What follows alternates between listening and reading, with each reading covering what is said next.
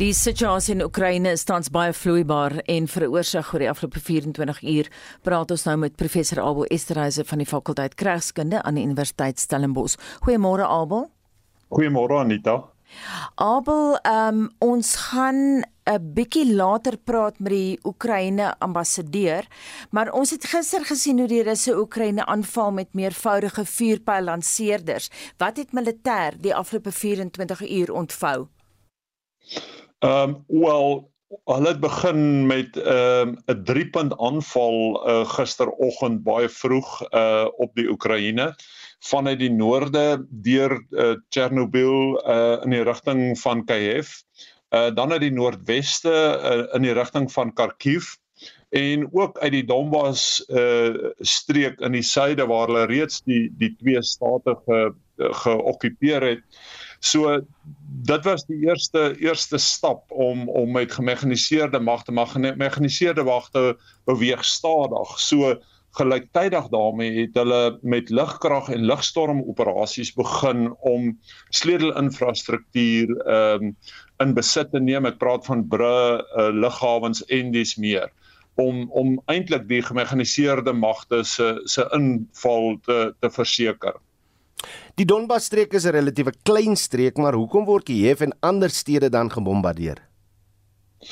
Wel, Putin het definitief uh, nou sy oog geplaas op die uh, inneem van Oekraïne as as 'n staat.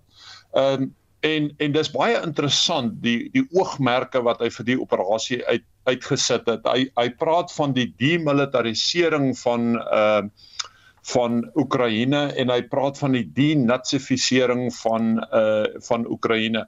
Nou as 'n mens daai twee oogmerke gaan ontleed, dan kom dit maar neer op 'n militêre oorneem van die Oekraïne en 'n politieke uh inname van van die Oekraïne, eintlik die die russifisering van die Oekraïne as jy dan nou dan nou wil.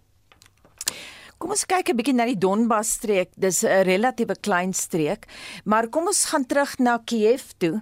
Dit is tog die belangrike brandpunt op die oomblik. Ek nou ver oggend gesit en lees dat een van Kiev se inwoners sê the biggest fear for ordinary people is running out of electricity and the internet not working. That would make us really isolated. En dan skryf sy of sy sê aan die BBC another fear is that bridges over the Dnieper river will be bombed dividing the eastern and western halves of the city. Is dit wat die russe gaan doen Wel, dis definitief 'n opsie. My my aanvanklike gedagte gisteroggend was dat hulle die oostelike deel van die Oekraïne gaan okkupeer tot en met die die Dnieper River, 'n rivier, omdat dit altyd moeilik is vir vir gemekaniseerde magte om so 'n groot rivier oor te steek. Maar ek dink dis juis hoekom hulle die lugstorm operasies van stapel gestuur het om te keer dat die Oekraïne self, eh, die Oekraïense magte daardie brûe opblaas.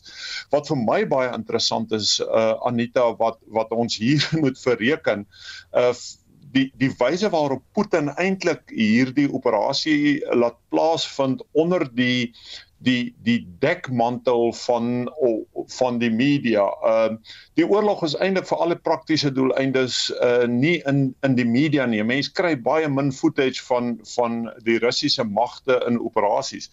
Uh wat vir jou sê dat uh, Putin doelbewus hier nie die FSA se voorbeeld volg van 'n van 'n CNN war of 'n wat hulle deesdae praat van 'n spectator sport war soos die Amerikaners dit bedryf nie. Ehm uh, dis hoekom ons baie min sien in die media van die Russiese magte en hoe die Russiese magte fisies uh, die land inneem.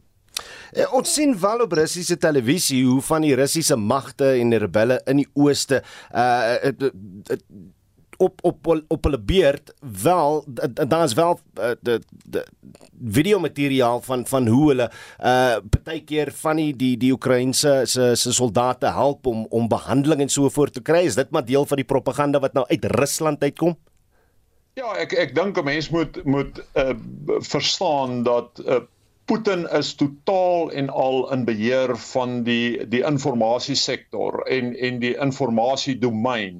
Tevens een van die gevare wat nou dreig en ek vanmôre gesien hulle begin skryf oor die gevare van 'n globale uh cyberoorlog. Mm. Ehm um, so ons moet verstaan dat dat Putin totaal en al in beheer is van die informasie domein uh in die in die oorlog en hulle uh doen dit baie planmatig oor die die inligting wat uitgelek word die inligting wat die wêreld ingestuur word.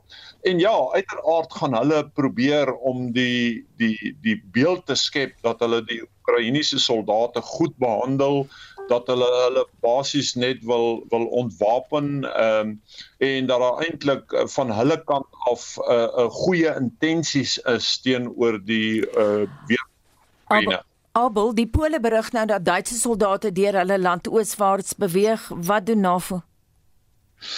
Wel, ek dink die NAVO gaan veel doen in die Oekraïne self nie. Ons het die Amerikaanse president uh, Putin het, het baie baie baie duidelik gesê dat geen NAVO magte gaan veg in die Oekraïne nie. So ek dink nie NAVO gaan die Oekraïne te hulp snel nie. Hulle kan dit eintlik nie doen nie want die Oekraïne is nie 'n uh, NAVO moontlik nie, maar ehm um, NAVO het homself nou geposisioneer op die grens met uh, met Rusland. Eintlik dit wat wat Putin wou voorkom het um, en waar hy waaroor hy ongemaklik was aanvanklik het nou 'n waarheid geword.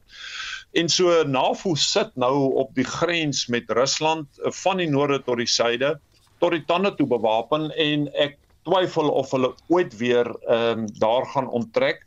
Dit was gister baie interessant om na die pole te luister wat aan die ontvangkant was van van Russiese ehm um, uh, besetting ehm um, oor oor baie jare en deur die geskiedenis eintlik en hoe die die uh pole baie baie baie duidelik sê hulle berei hulle self voor vir groot oorlog teen uh Russe indien hulle hulle voet oor die grens sou sit.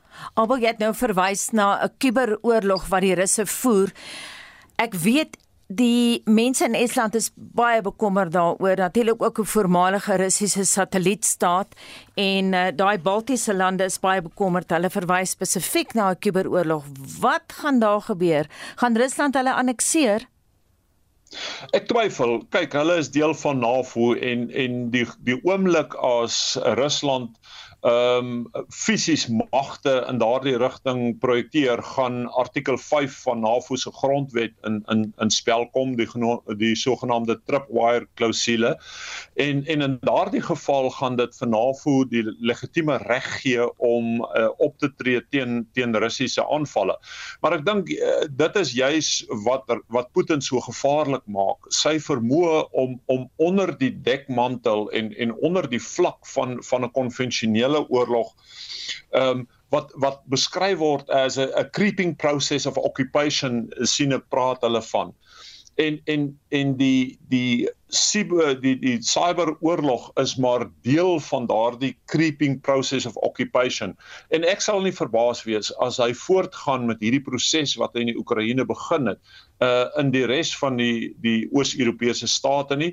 Maar ja hy hy sal dit hoofsaaklik deur deur uh cyber moet doen en en op ander hibriede maniere um hy sal definitief nie magte kan ontplooi soos hulle soos hy in in die Oekraïne doen nie Dan sien nog 'n ander ding. Antonio Guterres het hierdie week gesê it's the saddest moment in my tenure as Secretary General, maar hy het uh, ruiterlik erken gister dat die VN het gefouteer om nie 8 jaar gelede al sterk op te tree teen Putin met die inval in die Krimskiereiland nie.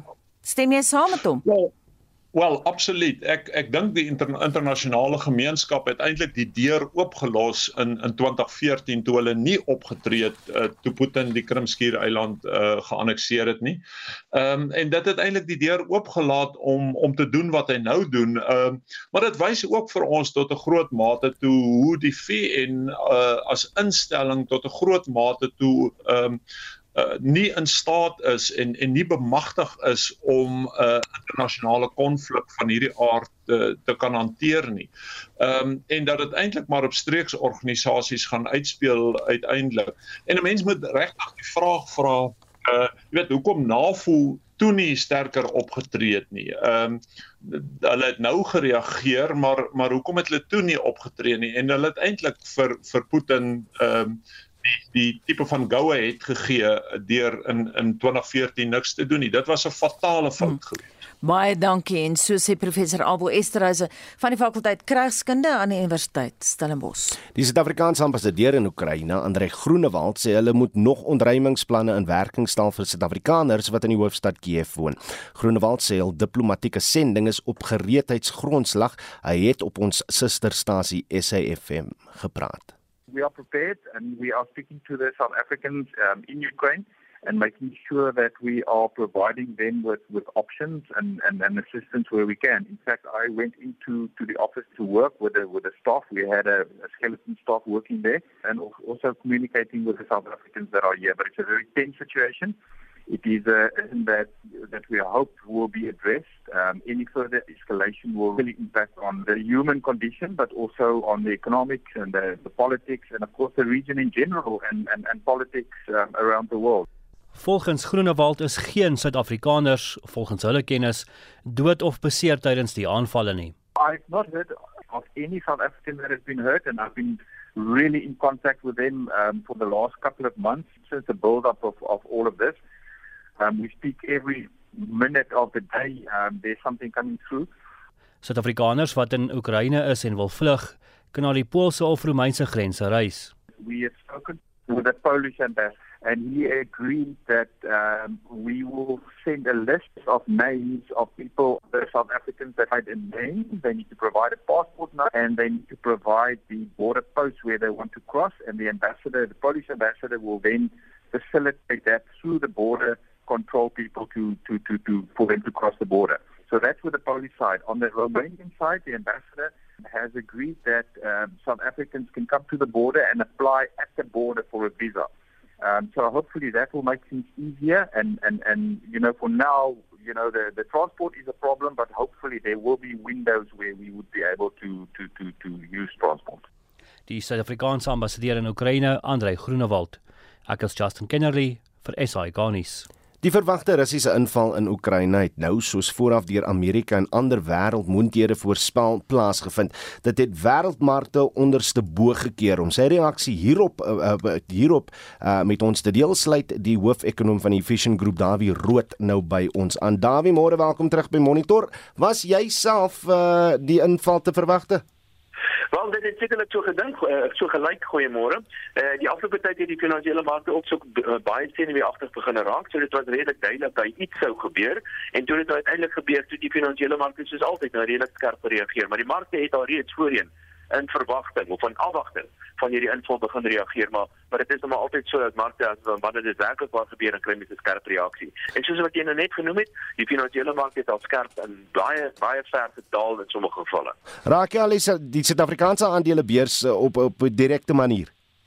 Natuurlik raak dit die Suid-Afrikaanse aandelebeurs. Ons het al gesien die Suid-Afrikaanse aandelebeurs het ook gedaal, maar meer belangrik, die wisselkoers van die rand en die kapitaalmark het ook verswak. Mense moet verstaan dat hierdie tipe van internasionale konflik of uh, krisis uh, raak 'n ekonomie via twee kanale. Die eerste een is direk deur die finansiële markte wat ons al reeds gesien het, die rand wat verswak en die oliepryse wat sterk gestyg het en kapitaalmarkkoerse wat begin styg het en dis meer en dan geleidelik spoel dit oor na die reële ekonomie toe.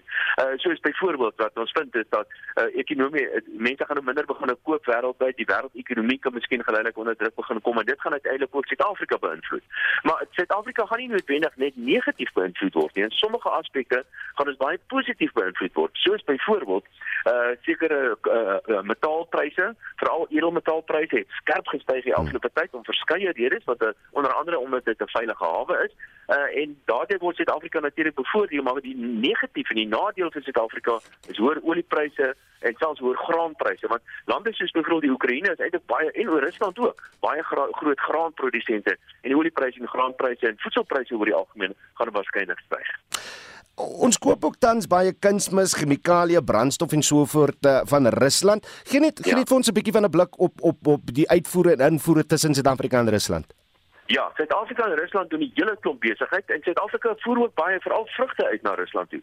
Uh, ek is bevrees as dan nou soos wat die geval is, sanksies ingestel word teen Rusland, dan gaan Suid-Afrika in baie gevalle nie meer besigheid mag doen met Rusland nie. En dit is nie net 'n geval van werklike fisiese invoere en uitvoere nie, maar dit het ook weer die finansiële markte. Op hierdie stadium, sover ek weet, is Rusland nog nie uitgesluit van die sogenaamde SWIFT stelsel nie. Die SWIFT stelsel is eintlik maar 'n stelsel waardeur banke internasionaal met mekaar praat. En indien die die Russe uitgesluit word van die SWIFT-stelsel, dan gaan jy ook glad nie meer kan geld stuur in Rusland toe en terug nie. So dit kan baie ontwrigtend wees vir enigiemand wat met Rusland besigheid doen. Het ons regering reeds enigiets gesê uh of intensie gewys oor uh, sanksies teen Rusland? Nee, ek het sover ek weet het ons regering nie gesê nie. Ek dink op die ou end gaan ons eintlik nie veel van 'n keuse hê as om maar in te val by die groot lande soos die westerse lande, Amerika en Europa en dis meer nie. En soos wat ek genoem het, die so stelsel byvoorbeeld, is eintlik 'n stelsel wat volledig onder beheer is van die Amerikaners. Die Amerikaners kan die lewe vir jou bitter moeilik maak indien jy sou nie uh in die uh doen wat hulle wil hê jy moet doen nie. en in hierdie geval byvoorbeeld indien indien hulle sou besluit om die Russe uit te sluit van die so stelsel uit, gaan Suid-Afrika indien ons voortgaan met besigheid doen met die Russe kan ons potensieel ook finansiëel uitgesluit word. Sover ek weet, is ons nog nie die Russe ook nog nie uitgesluit nie en natuurlik ook nie Suid-Afrika. Interessant. Da, da, uh, David, net, hoe lank meen jy sal die wêreld ekonomies moet uh, asem ophou oor die situasie in Oekraïne? Ja, dit is natuurlik die die omvang van die inval en hoe lank die inval gaan duur. Dit is natuurlik 'n groot vraag hierso. Uh, Potensieel kan dit as dit lank gaan aanhou indien die en die spanning kan miskien bly uh, en miskien kan ander lande in Europa ook uit uh, gelei dat ingetrek word in hierdie konflik en dan kan dit natuurlik oorspoel. Dit kan selfs uh, die uh, Taiwan en China uiteindelik kan ook betrek word op 'n of ander manier in een of ander konflik. So potensieel kan hierdie lei tot 'n ernstige wêreldkonflik wat natuurlik daarmee baie groot uh, ekonomiese uh, gevolge kan hê. So uh, die die, die antwoord daarop is met ander woorde hoe lank en hm. wie almal betrokke raak en, en, en hoe erg die konflik gaan wees. Maar 'n oorlog is nooit goed vir enigiemand nie en almal gaan op die einde skade ly. En hier daar weer rood ons ou China fyn dop en dit natuurlik die hoofekonoom van die Efficient Group en die konflik in Oekraïne sal Sondag aand in diepte deur die paneel op ons susterprogram Kommentaar onder leiding van Heinrich Weingart bespreek word. Die paneel bestaan uit rood met wie ons nou net gesels het en die politieke ontleeders professor Antoni van Nieuwkerk en professor Joansi van Wyk. En Marlene het haar vinger op die SMS pols sou reageer ons luisteraars oor verskeie goed.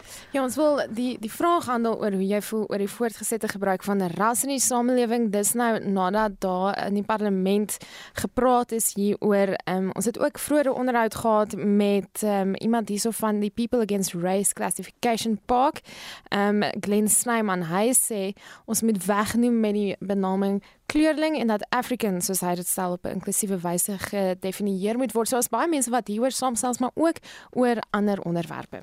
Bravo vir Danny se sterk mening. Ek stem ten volle met hom saam. Met al hierdie rassegoed moet weggedoen word. Dit veroorsaak net konflik onder mekaar. En my naam is Chrissy.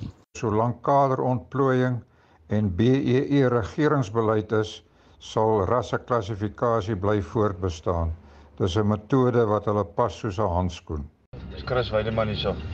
Uh, ek dink dit sal baie meer van pas wees as ons van kultuur praat in plaas van ras of velkleur. Dis nie 'n debat wat 'n ou in 'n 40 sekondes stemnota kan opsom nie, maar daar's my 5 sent.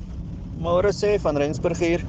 Ek luister nou die planne van die boere. Ek dink nie om die mense te beloon om te sê as hulle weet van 'n uh, beplande rooftog of iets is 'n goeie idee nie, want al wat nou gebeur is, die mense werk saam met die rowers en beplan beplan Kaapstad 'n roof en rapporteer dit en dan kry hulle geld. So enigiemand gaan nou net enigiets kan rapporteer. Hoe word dit gemoniteer? Hoe word dit geassesseer? Dan laat weet Nico, goeiemôre. Ons het nooit voorheen van die menseregte skendings in Oekraïne gehoor nie en nou voer Putin aan dat dit die rede is vir sy inval. Is daar bewyse of probeer hy net sy magsbeheptheid regverdig? Dis Nico wat so praat oor Rusland op SMS-lyn. Pieter van Pretoria praat oor die onderwerp vanoggend. Hy sê my kleinkinders is die 10de geslag in Suid-Afrika. Min Suid-Afrikaners kan sê hulle is van 'n suiwer bloedlyn. Dit kan 'n ehm um, ja. En dan nog iemand wat hierso skryf, ek dink huistaal is 'n belangriker vraag om te vra want dit kan help met die opvoeding van kinders en getal kinders wat sekere kinders in klaskamers kan praat. Jy het nog vir oulaas kans om saam te gesels oor van die stories wat ons vanoggend het. Ons wil ook hoor, hoe voel jy oor die voortgesette van ehm um, die gebruik van ras in ons samelewing? Ehm um, identifiseer jy op vorms met ras? Jy kan 'n SMS stuur 45889 kan vir ons 'n stemnota stuur 076 5366961 of praat met ons op Monitor en Spectrum se Facebookblad.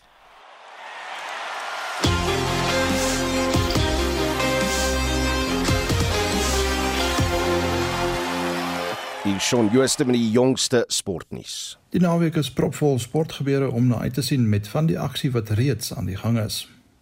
Op die cricketveld het die tweede en laaste toets tussen Nieu-Seeland en Suid-Afrika vroeg vanoggend in Christchurch begin. Die Proteas het die lood gewen en gekies om eerste te golf. Vian Mulder, Keshav Maharaj en Luther Sepamla is in die plek van Zubair Hamza, Duan Olivier en Clinton Stuurman ingesluit. Suid-Afrika het die dag goed begin en die 200 lopiemerk reeds verbygesteek met Sarel RW wat sy eerste 100tal vir die Proteas aangeteken het. Hy het 108 lopies bymekaar gemaak. Suid-Afrika moet die toets wen om 'n heel eerste reeks nederlaag teen Nieu-Seeland te vermy. India het Sri Lanka gister in die eerste wedstryd van hulle T20 reeks met 62 lopies afgeronsel en kan die reeks met nog 'n oorwinning in môre se tweede wedstryd beklink. Die halve eindronde van die plaaslike KSA T20 uitdaging in Kaberga word vandag afgehandel. Die Titans meet 10uur teen die Dolphins en die Westelike provinsie vanmiddag 0.30 teen die Boland Rocks kragte. Die eindstryd vind Sondag plaas. Rugby. Die Ses Nasies reeks word die naweek voortgesit. Skotland met môremiddag kwart oor 4 teen Frankryk, Engeland die aand kwart voor 7 teen Wales en Ierland Sondagmiddag 5uur teen Italië kragte. Die Suid-Afrikaanse franchises is ook weer die naweek in die Verenigde Rugby Kampioenskappe in aksie. Vanaand half 8 draf die Bulls in Italië teen Zebber en die Lions 9:35 in Ierland teen Leinster op die veld uit. Môremiddag 3uur weer in Ierland is dit Connacht teen die Stormers en kort na 5 in Italië binne in Treviso teen die Sharks. In die Super Rugby Pacific reeks stakel die Highlanders en Crusaders mekaar net na 8 en die Waratahs en Reds mekaar kwart voor 11.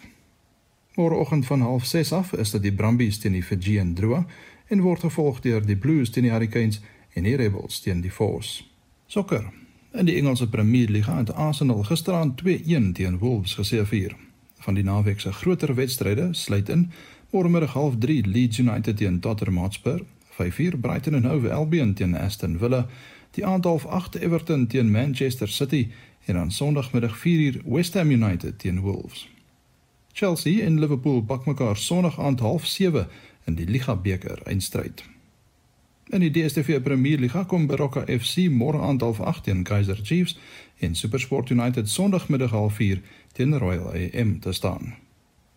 In die Afrika Kampioenligga se derde ronde speel AmaZulu vanaand 6uur teen Essetif van Algerië. Mamelodi Sundowns draf môre aand 9uur in Egipte teen Al Ahly op die veld uit en Orlando Pirates speel Sondag in die Afrika Konfederasies beker toernooi teen Royal Leopards van Eswatini. Op die golfbaan is die Amerikaner Kurt Kitayama op 6 onder die voorloper by die PGA Tour se Honda Classic in Palm Beach Gardens. Drie spelers is gesamentlik tweede op 5 onder en dit sluit die voormalige Suid-Afrikaner Rory Sabatini in. Dylan Fratelli en Garrick Higo vaar die beste onder die Suid-Afrikaners en is gesamentlik 10de op 2 onder. Swak lig het die eerste ronde kort geknip. By die sonskynreeks en uitdagtoer se Johnson Workwear oop het die plaaslike JC Ritchie op 9 onder die voortou na die eerste ronde geneem. Sy dansgenoot Rupert Kaminski is tweede op 7 onder. Vandag se tweede ronde vind by die Mount Edgecombe buiteklub plaas. En met nog een ronde oor by die vroue sonskynreeks se Jabra Classic in Edenvale is die Suid-Afrikaner Polaritu die voorloper op 5 onder. Laastens in tennisnuus. Die wêreld se huidige nommer 1 manspeler, Novak Djokovic van Servië, is gister in die kwartfinale van die Dubai Tenniskampioenskappe met 6-4 en 7-6 deur Jiří Vasiljev van die Tsjechiese Republiek uitgeskakel. Dit beteken die Rus Daniel Medvedev wat na die halve eindronde in Mexiko deurgedring het van maandag af die nuwe nommer 1 gaan wees. Die eerste gekeerde Medvedev het sy kwartfinale in Mexico vanoggend teen Japan se Yasuhito Nishioka met 6-2 en 6-3 gewen.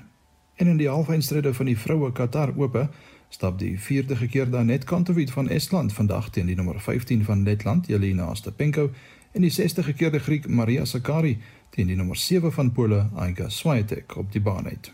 Shaun Schuster, RSG Sport. En dan moet ons net afsluit met 'n telling teen uitskeidtyd op dag 1 eh, in die toetswedstryd. Die tweede toets tussen Suid-Afrika en Nieu-Seeland. Suid-Afrika 238 vir die verlies van 3 paadjies. Sarel Erwin natuurlik vroeg vanoggend na sy eerste toets 100 taal toe. Hy's uit vir 108 van 221 balle en die Converse wat nie uit is nie wat môreoggend weer gaan konfrasie van 'n Dussen op 13 en Temba Bavuma op 22 Suid-Afrika 238 vir die verlies van 3 paadjies. Minstens 137 mense van Oekraïne wat soldate en burgerlikes insluit, is gister in die aanvalle deur Rusland in die land dood, so sê president Volodymyr Zelensky. Rusland se president Vladimir Putin verdedig die inval en sê daar was geen ander manier om Rusland te verdedig nie. Putin sê die doel is om Oekraïne te demilitariseer en van nasies ons later raak. Esie de Klerk het meer besonderhede. Rusland sê meer as 70 militêre teikens is verwoes en Russiese soldate het Oekraïne binnegeval vanuit die ooste, die suide en die noorde insluitend vanuit Belarus.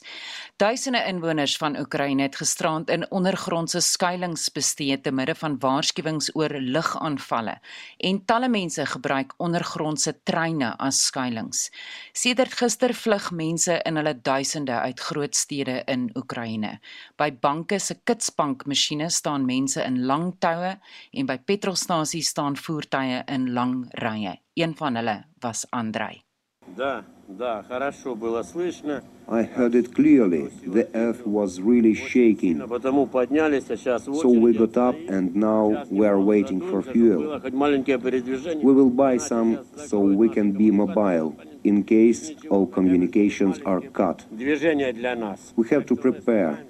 What else can we do? Nog 'n burger van Oekraïne, Natalia sê sy het nêrens heen om te gaan nie. We're shocked. We're totally shocked. We are afraid for our children, for our families. Are you thinking about trying to move? Where can I go? We don't know where to go. Who will have us? Nobody, nowhere is waiting for us. I, I don't know. I just don't know. Die BBC berig daar was vanoggend ontploffings in Kiev en 'n 9 verdieping gebou is aan die brand. Die burgemeester Vitali Lichko het bevestig ten minste 3 mense is dood. 'n Amptenaar van die departement van binnelandse sake het bevestig 'n vliegtyg van Rusland het in die Darnitsky distrik geval. En intussen Estie was daar 'n baie gespanne vergadering in Brussel gister en daar word nou meer sanksies teen Rusland ingestel. Dis reg Anita en daai sanksies word onder meer deur die FSA en die Europese Unie ingestel en dit sal 'n impak hê op die finansiële, energie en reissektore van Rusland en ook op visums wat aan Russiese elite uitgereik word. Hier is die FSA se president Joe Biden. Putin is the aggressor. Putin chose this war and now he and his country will bear the consequences. Today I'm authorizing additional strong sanctions and new limitations on what can be exported to Russia. This is going to impose severe cost on the Russian economy, both immediately and over time. We have purposely designed these sanctions to maximize the long term impact on Russia and to minimize the impact on the United States and our allies. Die Europese Unie het 'n noodberaad in Brussel gehou en die Europese Kommissie se president Ursula von der Leyen verduidelik watter sanksies teen Rusland ingestel is. Our export ban will hit the oil by making it impossible for Russia to upgrade its oil refineries, which gave actually Russia export revenues of 24 billion euros in 2019. We ban the sale of all aircraft spare parts and equipment to Russian airlines. This will degrade the key sector of Russia's economy and the country's connectivity. Three quarter of Russia's current commercial air fleets were built in the European Union, the US, and Canada, and therefore they are massively depending on that. Intussen het die president van Frankryk, Emmanuel Macron, gesê Zelensky het hom gevra om Putin te bel omdat Zelensky hom nie kon bereik nie. Macron het Putin gevra om sy militêre operasie te stop. Hy het ook aangekondig Frankryk sal 336 miljoen dollar se hulp aan Oekraïne stuur as ook militêre toerusting. Hy sê Putin is dubbelsinnig. Quelques heures avant le lancement. Up to just a few hours before the launch of these military operations and the recognition of two illegitimate republics and then the military attack, we were still having talks with President Putin about the details of the implementation of the Minsk agreements. That means that there was certainly duplicity. A choice, a deliberate choice, was taken consciously by President Putin to launch a war when it was still possible to negotiate peace. en, en daar is dit ook bevestig dat die Russe beheer geneem het van die Chernobyl kompleks en dis die terrein van die wêreld se ergste kernramp en Joe Biden sê berigte dat Rusland gijslaers daar aanhou is baie kommerwekkend. En dit was Estie met 'n oorsig oor die situasie in Oekraïne. Regtyd vir Leon van Nierop se weeklikse fliekrubriek. Leon, goeiemôre. Goeiemôre Oudo. Ek binge al heel week seks in Afrikaans, maar ek sien jy is nie lus nie. So kom ons praat maar oor honde. Die rolprent Dog gaan duidelik Leon oor 'n hond. Maar uh, wat maak dit anders as ander flieks oor diere? Wel, as vroue hoor dat Channing Tatum na jare se afwesigheid weer die hoofrol in 'n rolprent speel waarvan hy terloops die mede-regisseur was, mag hulle dalk gaan kyk. Tatum met 'n charme en manlikheid waarvan die kamera baie hou, is 'n soldaat met 'n wolfhond soldaat wat geskryf het sy beste vriend en medevegter in 'n oorlog sterf. Het met die hond na sy eienaar se begrafnis vergesel vir die kussak. Wat op die reis gebeur is aanvanklik voorstelbaar, want die hond is aggressief en verward, maar later ontstaan 'n band van vertroosting en begrip tussen die bestuurder en sy passasier. Die hond word 'n karakter vir wie mense simpatie het en wie se trauma met empatie uitgebeeld word. Veral die slottonele is geslaag. Macho sonder om oordrewe te raak. Tydte mis kyk as die hond se enigste redding. Aanbeveel dis in teaters dalk kry 7 uit 10. Okay, en uh, the attack of the Hollywood cliché spot seker met die uh, belaglikhede in sekere Hollywood flicks. Ka kan jy dit aanbeveel? Wel Rob Lou, die koning van die kliseë spel, dit wil sê iets wat al so oorgebruik is dat dit sy trefkrag verloor vanweë gebrek aan oorspronklikheid en oorgebruik, dis die aanbieder. En heel gepas want sy spel het al sedert die 80s in kliseës verval.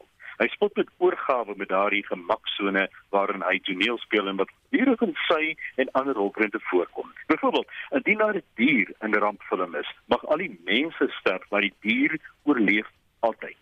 Ook meisies wat alleen in donker huise instap en dan uitroep, "Hallo, anybody home?" om vir die moordenaar te laat weet waar sy is om opgekap te word. Selfs katte wat deur van sy kas te spring of as iemand in 'n badkamer speel kyk en dit dan toemaak, dan staan die moordenaar agter hulle. Oh, hoeveel keer het jy dit al gesien? Maar kyk bietjie vir hoeveel klisjées het jy al geval. The attack of the Hollywood cliché, 'n skreeu snaaks en ons het dit deesdae nodig vir afleiding. Dis op Netflix 7 uit 10. Ja, ek verstaan nooit hoekom mense in die rigting van die gevaar hardloop in die flieke nie, maar uh, wat maak The Cleaner skoon in hierdie donker Britse humoristiese reeks? Uh, moet mense daarna kyk, Leon? Jong gelukkig sien mense nie altyd wat hy skoon maak nie. The Cleaner gaan oor 'n skot, Greg Davies, lekker boek, baard, skerp oë aksent en 'n gesig waarin die lewe lekker uitgeword het wat misdaadtonele opbring. Nou dink jy, ag nee man, ons leef saam met soveel misdaad in die land. Hoekom boonop na misdaadtonele kyk ook? Nee, en weer. Jy sien feitelik nie die moorde of enige werklike geweld nie. Dis amper so gehoorvriendelik soos Murder She Wrote.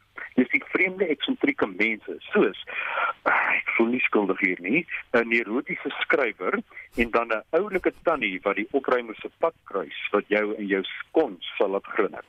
Sommige episode is maagseer laat snaaks en soveel charme dat jy na 'n halfuur van al jou kwellings sal vergeet. Maar daar is dit was net drie karakters in die huis en elke episode lekker ekonomies, maar dis wat hulle van mekaar sê en die humor in die dialoog wat jy moet hoor om te waardeer.